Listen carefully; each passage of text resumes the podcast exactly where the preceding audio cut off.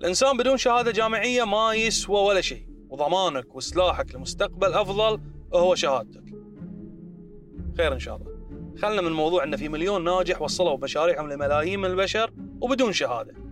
بس خلونا نمخمخها صح. لنفترض أنا عندي شركة آي تي ومحتاج مبرمج برنامج على الموبايل.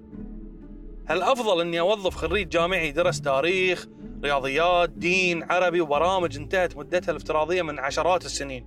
في آخر أربع سنوات في حياته أو أني أوظف شخص قضى آخر سنتين مركز في برامج البرمجة اللي تسوي لي اللي أنا أحتاجه. لو بغيت نجار بروح حق جامعي لو بغيت حداد فني كهربائي غواص أو غيرها من هالمهن. لأن لا ننسى أن مو كل المهن في العالم تحتاج جامعيين ولا الجامعي محتاج يدرس أشياء ما راح تفيده بالتخصص اللي راح يشتغل فيه. راح تقول لي ثقافة عامة ولازم الشخص يلم في باقي العلوم؟ راح أقول لك وليش تخليها تأثر على مجموع الجامعي؟ وممكن تطلعني من الجامعة لو سقطت فيها. يعني شلون الحين أبل شهادتي بماي وأشربها؟ لا طبعا بس لا تعتمد عليها بروحها لأن سوق العمل اليوم يحتاج مهارات يمكن أكثر بوايد من الدراسة الأكاديمية بروحها.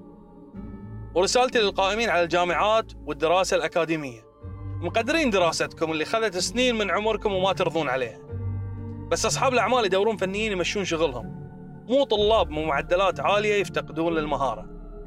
فرجاء فكروا بالمنهجية اللي تدرسون فيها.